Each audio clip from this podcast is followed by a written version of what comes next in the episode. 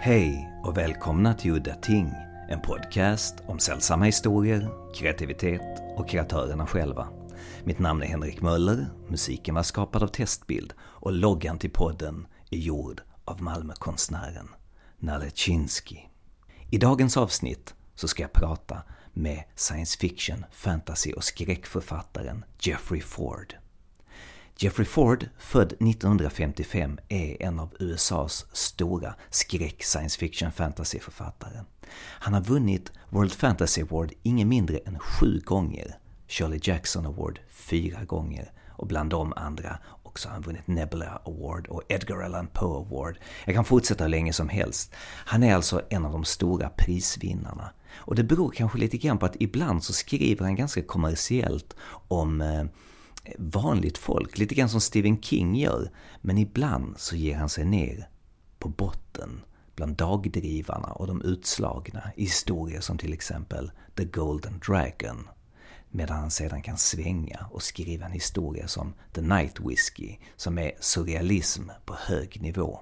Innan vi gick in på mina frågor och jag skulle börja överösa honom med beröm så frågade jag faktiskt honom om hans favorithistorier som han själv hade skrivit och varför han gillade dem.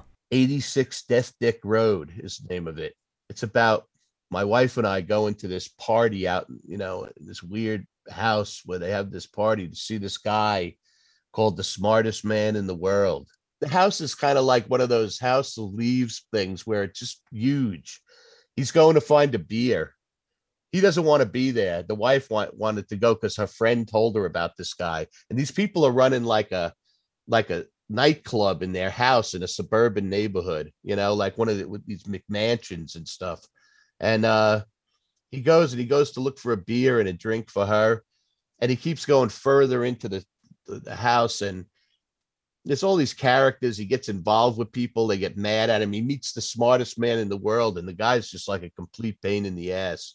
Like really, uh, you know, terrible. He looks kind of like Mandrake the magician with a big mustache and stuff. And then he tell he tells the, the character like he, he ends up locking the guy outside. Like the ca- the main character gets locked outside and has to go around the house to get back in. And meanwhile, he the smartest man in the world is going to go on and, and tell people the answers to their questions. And you know, he he tells the guy through the window of the back door, "I'm gonna when your wife asks a question, I'm gonna kiss her. I'm gonna I'm gonna give her the tongue so hard that I'm gonna taste her panties." That's what he says to her, something like that. And it's just the guy's trying to get back in the house and stuff. It's I don't know. It's like a. It's like a weird nightmare. You know, I like that one a lot and the title of it 86 Death Dick Road. That's the address of the place. I like that one. I like Daddy Longlegs of the Evening, which is based on the title of a Dalí painting, but it's actually about a spider. There's a kid that gets a spider crawls in his ear and eats its way to the center of his brain through, as it says in the story, through the electric gray cake of the brain the center of the brain and then rewires the brain with webs and plays the kid like a zither and uh, directs him. And the kid starts to turn into like a spider. And then he goes out and he like sucks the essence out of people and he leaves them laying there like old luggage, you know? Uh, and it's just his his reign of terror in this town and what people try to, you know, how people fail to like try to do anything about him because they're too scared and he ends up running the show and then takes off for bigger cities after that. Uh, I like that one a lot. It, it was based, you know, I, I, got the idea from those old Fleischer cartoons. You know, the Fleischer brothers cartoon.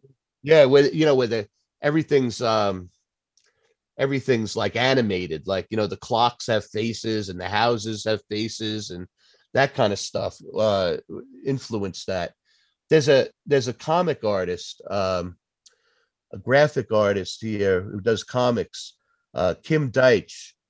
His stuff really emulates that, uh, you know, that that Fleischer Brothers look, uh, and, and I get a lot out of his work. I mean, I know that that would probably influence that story as well.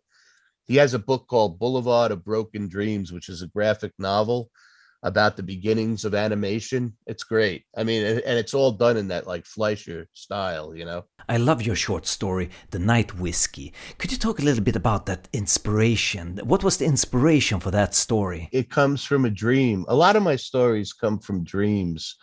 It came from a dream. I was, I went to school up in Binghamton, which is in upstate New York here uh, in the States. And uh, there was this crappy street there, Clinton Street, where there was all these old bars and stuff, you know. And my friend had a place there. And I had a dream where I was on the roof with him and we were looking out uh, down the street and there were trees along the street and there were people sleeping in them. And there was a truck going by and they were taking the people out of the trees, like dropping them out of the trees. And it, you know, from that, I uh, I just confabulated the story after I woke up. I was like, eh, you know what? That's too good to let go. I got to do something with that. So my my stories are not. Pl- I wouldn't say they're very planned out, but they grow kind of organically you get it i got a i have a dream like that and then i just follow the inspiration of the dream and the story develops you know it's almost as if the story exists already and i'm almost it's i'm discovering it. That's the way the process feels to me. I'm not a big uh planner. I don't take notes. Uh i've never taken any notes. I don't keep a journal. You know i keep everything in my head which is because it's getting daunting now as I'm getting older, you know. But uh that way I can always work on it. Like if I'm at the grocery store squeezing melons and buying tomatoes and stuff, you know, I can work on my story in my head. If I have it all on paper somewhere, I got to have my papers with me. And uh and that's just a pain in the neck. So, you know, it, it it's a very uh intuitive and and um you know organic kind of process, I would call it, you know, I think. Stephen King says he does that too, that he never writes down his ideas because it's like collecting garbage. That uh, if you can't remember your ideas, they probably weren't any good to start with. Exactly. That's, and the stuff you forget, it's like, well, it wasn't that good. I don't remember it. The only thing is, like I said, getting older, that could be a problem eventually. You know what I mean? You forget stuff more when you get old. So. I'd be interested to know a little bit about your creative process. If you could talk a little bit about how, how it looks or and how it evolved. Studied with uh, with the writer John Gardner, who wrote Grendel. I don't know if you're familiar with him, uh, uh, and the Sunlight Dialogues. And he used to say, um, you know, he used to tell us, find a character in your mind. You know, see the character, and because he thought character was story, and he'd say, follow the character and the character will take you to the story. And then once you once you know you're in the story with the character then just copy down what you see. You know report on what you see basically. If your writing is honed and good enough you're able to express everything that you experience while while following the character and, and seeing the character. That's that's one part. He, he had this thing about you want to create a vivid and continuous dream and what's interesting about that is that, especially for somebody who writes speculative fiction, is that um, in dreams, we believe stuff that's outlandish. And so, what he's saying is, can you create the sensibility where somebody would believe an outlandish story or it becomes re- the reality of the story and they wouldn't bat an eyelash of, about it, you know? So, um, those are some of the things that go into my thinking. I don't really uh, have a structure type thing. You know what? I really I hate the term world building. I think it's bullshit. It makes the process of writing seem like drudgery. It's like, all right, I got my wheelbarrow and my pickaxe and my shovel. I'm going to build this world. And my question is, what am I, a fucking bricklayer? No, I'm a fiction writer. If I want a palace over here, I just imagine it. There it is, a palace. You know what I mean? I see it I see everything the flags flapping in the wind, the long staircase up to the front door, all of that stuff. In, in, an instant, I didn't have to build anything. There's no building involved, it's imagining. And that's done so easily if you allow yourself to do it. And then you just write down what you you know what you see in your mind. Uh, and the ability to write, you know, uh, honing your ability to write um, allows you to capture anything that you can imagine, you know, in words. So world building, I find it to be a really off-putting term, real drudgery, makes it seem like some kind of like mechanical process, you know, that you have to build this world before you actually get to use it, you know. Whereas all of that stuff can be done in the blink of an eye by a writer, uh, by a fiction writer that knows what they're doing. So I, I really try to tend to tell people when I talk to them, young people, writers, forget about that stuff, you know, and uh, follow the follow the story. The story will take you uh, where it wants to go if you'll let it. Like most people think that when you write a story, what you're trying to do is exert more control over it. But the secret is, and this is kind of counterintuitive, but it's like if you're driving a car and the car is the story, you got to take your hands off the wheel and let the story take you. And it will come to a satisfying ending. It may not be the ending that you expected. And, you know, that's the beauty of it, because as you're surprised and you discover in the writing, that excitement that you'll have will be captured by the reader as well. So, uh, you know, a lot of planning and a lot of structure and all that stuff it's it's already inherent in the story if you let the story go where it wants to go. Uh, that's what I believe, anyway. Speaking of Stephen King again, he says that he always starts writing his novels from the beginning, page one, and chronologically towards the end. That's what I do too with, with novels. I do the same thing. But, you know, I'm also aware of the fact that there, there's, a, there's a million ways to do this. You know what I mean? And what's right for one person isn't going to be right for someone else. I know fabulous writers, fabulous writers who plan everything out ahead of time. And as you do, like write different parts, you know what I mean, as they go. Uh, one of the writers in the US I've talked to about this totally disagrees with what I say about it is uh, Ted Chiang, and he's a, a phenomenal writer. You know what I mean? He's a very shrewd writer. He's he plans and he you know he gets all his ducks in a row before he, he you know he approaches the story and he's terrific and there's a lot of writers like that so it's not like one way is right or one way is wrong. It's just that this is the way i've developed it. I'm glad to hear stephen king is uh writes the same way. That gives me some uh that gives gives me some uh you know some uh, hope because uh that's the way i've written all the you know for my entire life. I had no idea that that was the case. He said that that was the fun for him to see how the story unfolds and how it ends. Right, and it captures that it captures that excitement if you can do it. You know, if you follow it like that, you're writing like that. Eh, the, the excitement of you not knowing, or, or you, the balancing act of you know being out on a razor's edge and so forth. That I think it can be you know infused is infused into the story for the reader. Another one is the drowned life. If you remember the inspiration for that story. I drowned. The drowned life came from. I know where it came from. Uh, it came from you know the Bush years. Uh, Bush administration made me physically sick. I didn't. I didn't. The only thing is, I didn't realize how bad it could get, and then I found out with Trump. You know what I mean? But the Bush years were rough too here, uh, and uh, made me sick, and it, it, it gave me this sense of like you know, it, well, they had the mortgage crisis then, and it, you know, things were going under. You know what I mean? Every I knew so many people who were losing their houses and stuff, uh, you know, during that time period, and losing, you know, everything they had and so forth, and uh, they were cutting stuff like medical, you know, uh, you know, medical help for people here and stuff.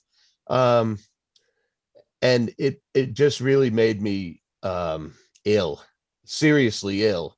And that's where that story came from. I had not written anything for a couple of weeks. And uh, because I was so concerned about that, uh, and uh, and then it just came out of me, came out of me in that story. It's a dark story, it really is, and and it's it, it captures one of my great fears is claustrophobia. It captures that claustrophobic effect, you know, in a couple of places in that story. But uh, yeah, that's where that came from. It's like the country was going down the toilet like like an express train. That's what it seemed like to me. One of the things that I loved in The Golden Dragon was the characters. The characters are so great. So they were so real and so funny. Oh, these guys, those were real guys. They and and the and the the uh, guy who owned the Chinese restaurant. They, they these were all real people in that story. I mean, what happens in the end isn't real, but the guy. I mean, I knew these guys. They were they were heroin addicts. They lived behind me and my family in this place, right? one of them was off the they were off and on the stuff you know what i mean and were trying to make a make their way but uh the one guy at that time i remember him telling me he had a job where he was diving into the delaware river like going way down with just a like a snorkel mask and he had an acetylene torch and he was cutting the brass off of, of an old ship underwater and living in this trailer and doing speed balls, you know, like uh, eight balls with uh, speed and heroin mixed together. you know what I mean? Nutty. They were nuts. We used to play cards over at this guy's house. Like I went over there, we played cards and stuff. And uh, the, the the guy who owned the Chinese restaurant would come over too, and we'd all play. But that that restaurant went to hell like that, you know, like went to hell and and uh well, it burned, but I mean, before that, it really went down because his, the guy's wife got sick and everything. It was terrible. But you know, all that stuff was real. You just got to corral it together, and then you put, you know, the fiction comes along as you start to think about it. I mean, it's not the way it happened, but maybe it's the way it should have happened. You know what I mean? Yeah, that underwater welder stuff. That's in the novel. That's the character Bobby. He's the underwater welder in that story. Oh, is that is that in there? I thought it was. Yeah, yeah. The other guy, the other guy, his cousin, he actually ended up going to jail. His he he got his his girlfriend got hooked on heroin too and overdosed, and he he went away for it because he scored the the you know the the heroin, and uh, he might still be in jail. I don't know. It's an interesting take in that story on the traveling curse, so to speak, that uh, he gives his curse to his friend. I don't know. My life was going pretty good, and, and I was writing and stuff, and uh, just th- these people around me they th- there was a sense of doom in the, in the whole thing you know like the whole thing was the whole scene there was kind of cursed in a way with those two guys uh, that were the drug addicts trying to get off like they were pretty good people you know what i mean they were good people but they just lost themselves in the drugs and you know the guy with the restaurant who couldn't make it work and and uh you know had his wife sick and everything uh, I was in the middle of that milieu and also in a way a, apart from it. And I was trying to capture, you know, what that feeling was. It did seem like a curse in a way in that, you know, at that time. Yeah, it felt like that. It felt like a metaphor. The curse felt like a metaphor in that story. I guess it is. It was. Yeah. I, sometimes the metaphors, I don't know what they're metaphors for, but they just seem to be there for me. I'm curious to know how you became a writer and how you got into fantastic fiction. I kept I kept stories. I mean, I wrote stories when I was a little kid. I had those composition books and I'd write stories in them. But the way I got into it, the way I, I came to love fiction was when I was a kid, very small, my father would read to us at night.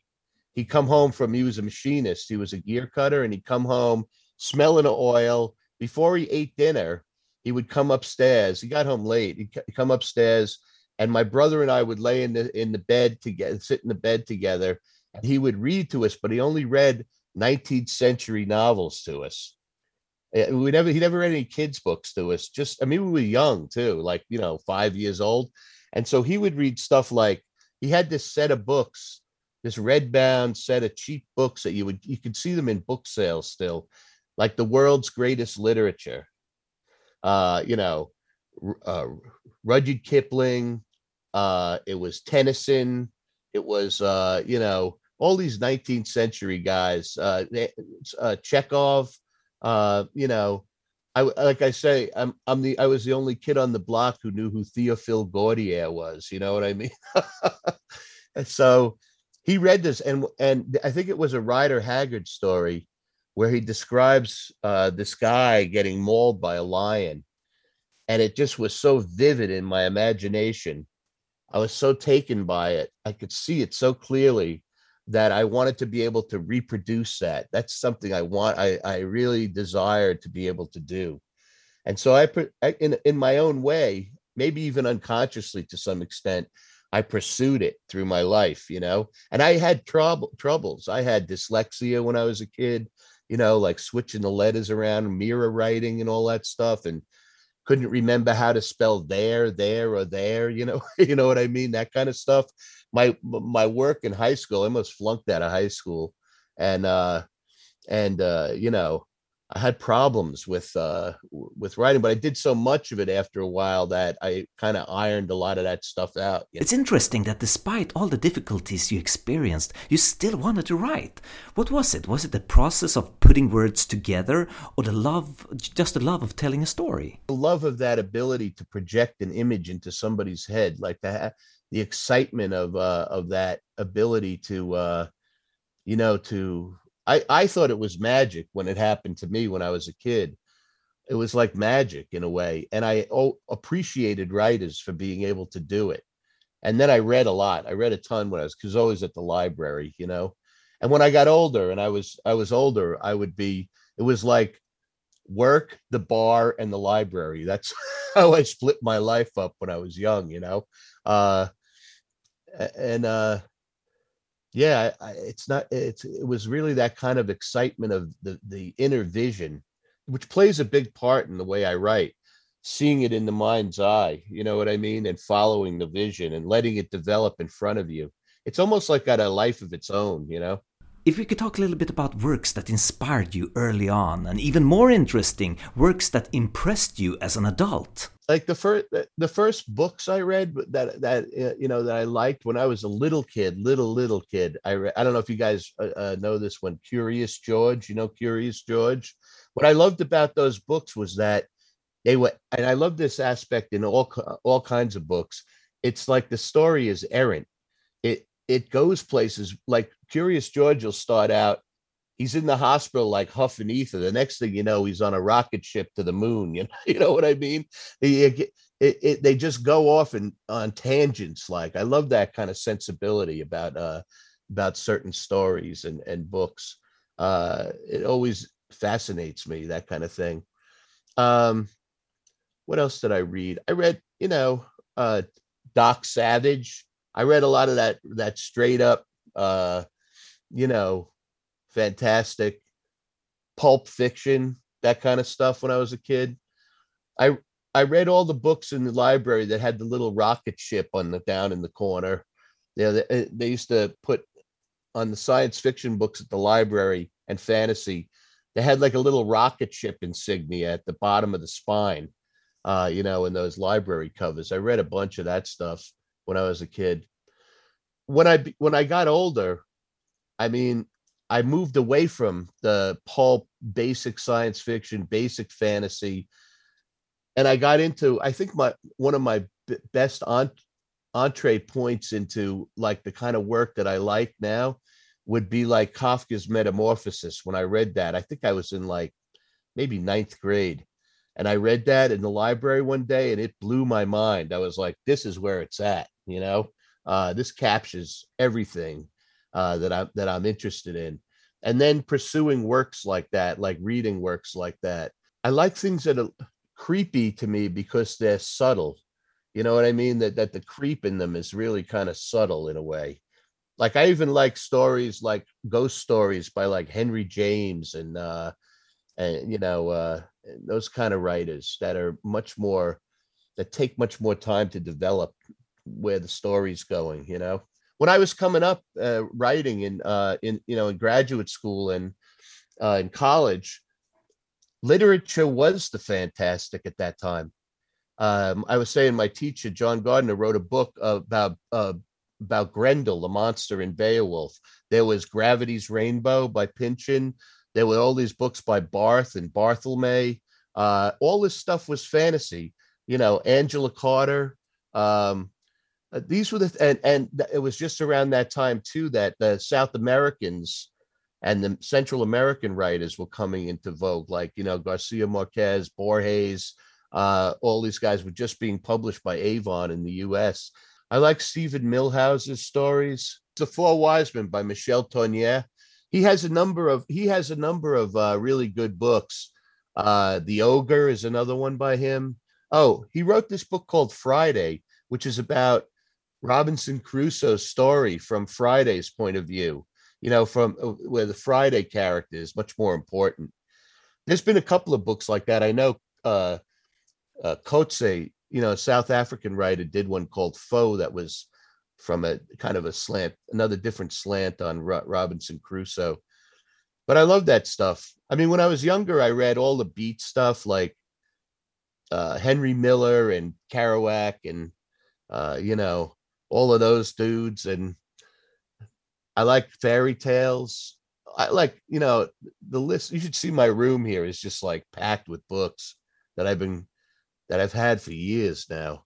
Another character of yours that stuck in my head was that little girl from the Shadow Year that smokes cigarettes and talks in different voices as different people. It's based on my sister Mary, uh, my younger sister. I don't know, just some of the attitude that she has and and uh, her, you know, she, she's very uh, kind of um, unique person and was a unique kid, you know, and she was younger than me when we were growing up but she had her own ways and she would like you know i always thought she was very quiet and stuff but then i find out she's like smoking cigarettes over at the school and these these were big things when i was we were kids you know that she she had her own life like that was very quiet and personal you know the other thing about that book was i wanted to include my other sister in it too or a character for her but uh, she was born uh, with a hole in her heart at, and at the time, it was very experimental surgery. And I wanted to add that into the book, but it weighed the book down so much. My editor said, you know what? Uh, you got to think of this as a novel, and you, this character has to go because things are so slowed down by this. You know what I mean? I thought that was good advice, actually. Although someday I'm going to get her in a story too, you know. Uh, but they're all my siblings, sort of uh, you know, my brother, my older brother, and uh, and and the other ones. They're based on them. They're not really them, but they're based on them. Actually, there's a lot of characters in that book that are based on real people from my neighborhood. And when I wrote it, I thought to myself, you know, geez, these these char- these people are probably not even around anymore. They'll never they never know about this, right? about this book. So the character names were very close to what their real names were, and some of them were the same names. I went, and at the time when that book was being put together, I, uh, I, my father died, and I went to his funeral. And at the wake, all these people from that neighborhood were still around, and they came up to me and said, "Yeah, we read, we read all your books." and I was like, "Uh oh, man." When that was over, I called my editor and said, "We got to change all the names in this." Could you talk a little bit about your creation, Botchtown, this fictional place? It's a little bit like H.P. Lovecraft's Arkham or Dunwich or something like that. Started this is how the Shadow Year started out. It was a novella I wrote, and what it is is Botchtown is actually this uh, this creation of the town on like this board. You know how like if you have trains and stuff, back in the day, kids had trains and stuff, and they would have like a big plywood board, and they would build a train, a set with trains, and put little fake trees in there and everything. All right, I don't know if anybody does this anymore, but that was big back in like the '60s, early '60s, and stuff. Anyway, the Botchtown is this town my brother builds in the story about with junk from around the neighborhood, and he has has all the houses on our block and, and other places in the neighborhood, the woods and, the, and a pond and, you know, and uh, has little people made out of clay in there that represent the neighbors and all that stuff. It's, it's like a, it's like a little facsimile of the town. And it plays into the story because um, my sister in the story, the, the girl you were talking about, um, has a sense of where people are at certain times in the town, like where they actually are, and she can maneuver the pieces on the board. She has this ability to move the pieces on the board. And there's a killer in the town, like killing people, mm, you know, once in a while. And there's a character that my brother has for this guy, and she moves him, and what they notice is he's getting closer and closer to them. That they, the more they realize, and the more they investigate it, and that they, you know, have themselves out there looking for him and so forth, they notice he's circling in and getting closer to them, you know, on this board as they as uh, the story goes on. Could you talk a little bit about your wonderful story after Moreau? This crazy riff on the island of Dr. Moreau by Wells. It's told from the point of view of a hippopotamus man. Tells the story. They were all on on on Moreau's island, right? But they weren't animals to begin with that were turned into people these were people that he turned into animals. It's kind of the reverse of the of the story, you know. I'll tell you that movie with uh, Charles Laughton, that um, the, the, the, I forget the t- the title of it, The Island of Lost Souls. That that movie by Laughton is is amazing, and he's great in it. I mean, he just the greatest Moreau, I think. I it must have been I saw that movie and I I was you know I wanted to write a story and I'd seen that movie and I just was riffing off of that that movie. Kind of took off on its own. It's a real weird weird story, but uh these people, you know, they they get rid of Moreau and then they have the island. And he tells the history of how the whole thing went down. Completely, you know, different than the book. Uh it's like well, you know, this is what the book says. You know, this is what the story. They, they've seen the movie, and they say the movie is like you know it's not really how it happened uh, and then he tells the story. And it starts out i hippopotamus man and then he goes on to tell the story. Well it's actually it makes a lot of sense to hear that it was based on the Laughton film rather than the book. It would be fun to hear what movies impressed you or maybe inspired you. Well i, I wrote a book called the uh, the girl in the glass and i wanted to write um, a noir type thing, but I'm not really like a big hard ass, you know. So I want it to be like kind of a comic noir, and and uh, I really like Dashiell Hammett's The Thin Man, but I love those old movies uh, with Powell and uh, Myrna Loy, and so they they inspired me uh, in that in the writing of that book.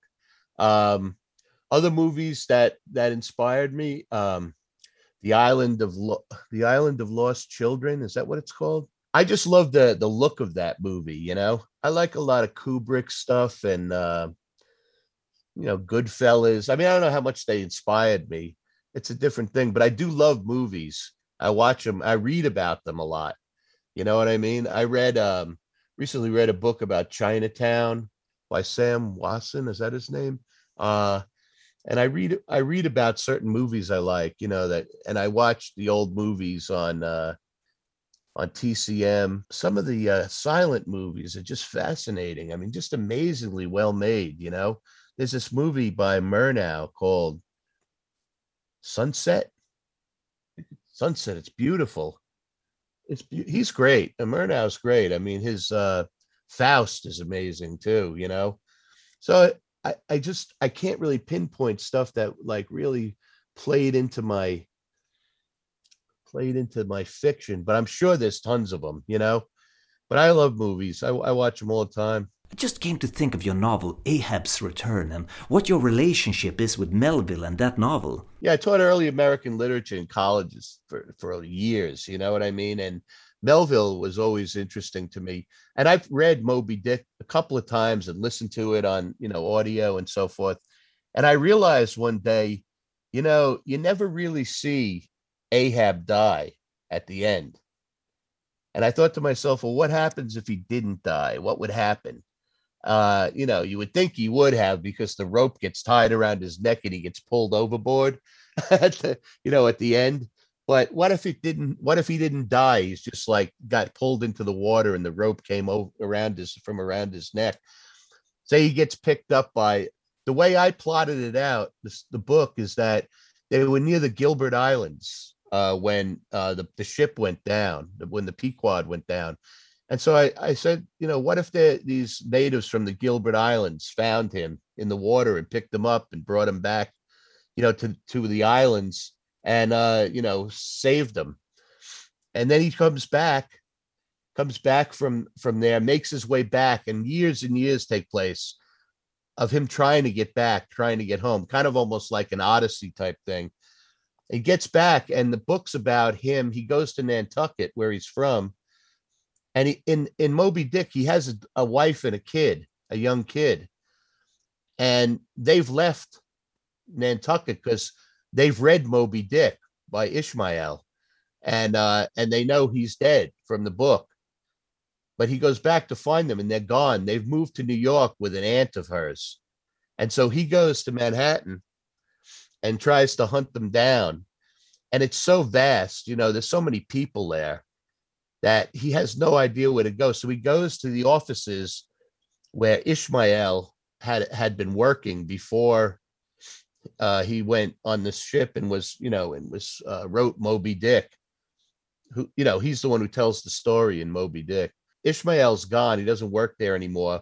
But he meets this guy Harrow, who's a writer, uh, and the offices uh, of the place is the Gorgon's Mirror. It's a place that does like outlandish stories. Like Harrow is a writer of like fantastic stories. It's like a penny magazine, you know, of the time. Uh, these these magazines that there were tons of them of at the time, and some of them were about real news. Some were like the Police Gazette.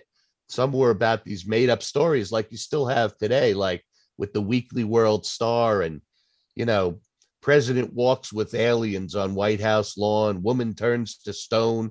That kind of stuff. It's still in the supermarkets here, and uh, this stuff was very influential with early American writers. There's a book called Beneath the American Renaissance, which traces like all these influences of these early penny press things and like you know tabloids and so forth and how they influence writers like poe and uh you know even dickinson to some extent thoreau uh you know so that all played into it and uh he tried the the guy who makes up the crazy stories says that he'll help ahab find his family because he knows New York so well, if Ahab will tell him and allow him to write up his adventures on the way home from, uh, you know, the, the islands.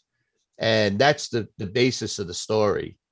And so they hunt for the kid. The kid belongs, has fallen in with this know nothing group. I'm telling you, there's a lot of political relevance to this book as far as when Trump was in office.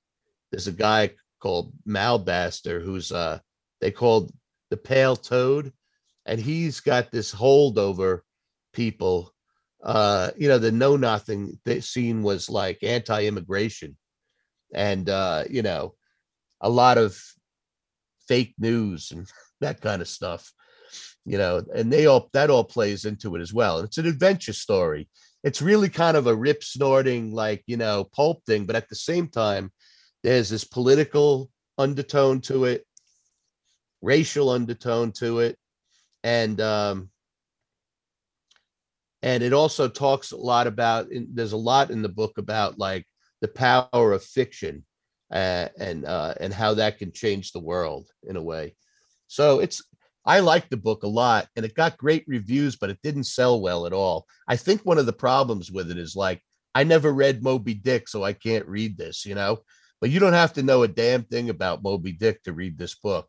Well, my question was that the thing I was curious about was what was your relationship or your relationship with Melville and Moby Dick? Oh well, Melville, I, I you know I'm a big fan. I mean Bartleby the Scrivener, Benito Cereno, all all of his work is really interesting to me. I love that time period uh, you know, Hawthorne and Melville and uh, Washington Irving and Poe and Emily Dickinson and, you know, Margaret Fuller, Frederick Douglass.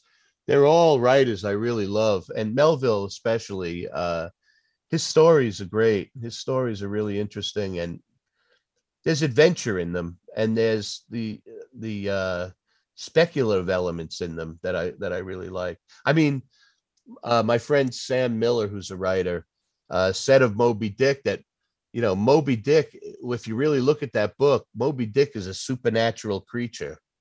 It shows up at places in different parts of the world at the same time and so forth. You know what I mean? Uh, he made a good case for it when I was talking to him. But yeah, Melville, I, I have a, I, I like him a lot. I like his stuff. I always have. Well, as a horror and fantastic writer, did you pick up on all the weird stuff in that novel? The supernatural and crazy visions of Moby Dick? And there's great passages in it too. I mean, you know, these some of these passages are just amazing. The writing in them. Uh, you, you got to be in for the long haul. You know what I mean? It's like a it's like a whaling voyage itself reading that book. But yeah, when I was reading through it, there's a lot of really uh, repetitive stuff and like stuff that could bore the hell out of people. But when you get to those passages like you're talking about, uh, the the strange stuff that happens, or the preacher in the beginning, and you know those those beautiful passages about like the whiteness of the whale and how that's both evil and it stands for all these other different things in the world and the, the, the clash of cultures coming together and and the the hierarchy of the ship and this you know like you said the magic and the uh, you know and the uh the supernatural elements of it yeah I, mean i read it the first time when i was pretty young and i i managed to get through it uh because of those passages and and because the writing is great great writing in that and another per- place where I think the writing is just fabulous is in Dickens' Bleak House, the beginning of it, the, the opening passage of Bleak House where the fog rolls in. Uh, that's an amazing passage too. That's equivalent to me to Melville's uh, Whiteness of the Whale, that, that chapter in, this, in the dead center of Moby Dick. Ja, och det var allt för den här gången. Mitt namn var Henrik Möller. Musiken var skapad av Testbild. Hej då!